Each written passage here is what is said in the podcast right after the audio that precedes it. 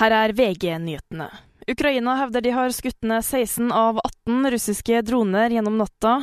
De skal bl.a. ha kommet i Kyiv-regionen. Amerikanske og britiske styrker har gjennomført angrep mot 18 Houthi-mål i Jemen, opplyser det amerikanske forsvarsdepartementet. Angrepene omfattet underjordiske våpenlageranlegg, droner, luftforsvarssystemer, radarer og et helikopter, står det i en uttalelse fra Pentagon. Et flertall på Stortinget vil beskytte loven som nekter kinoer å åpne før klokka 13 på søndager, selv om flere allerede har åpnet tidligere.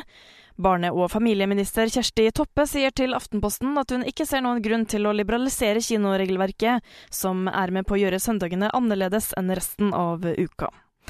Statens vegvesen ber de som skal hjem fra vinterferie om å beregne god tid. Trafikken vil trolig bli tettere utover ettermiddagen. I studio Miriam Alsvik, nyhetene får du alltid på VG.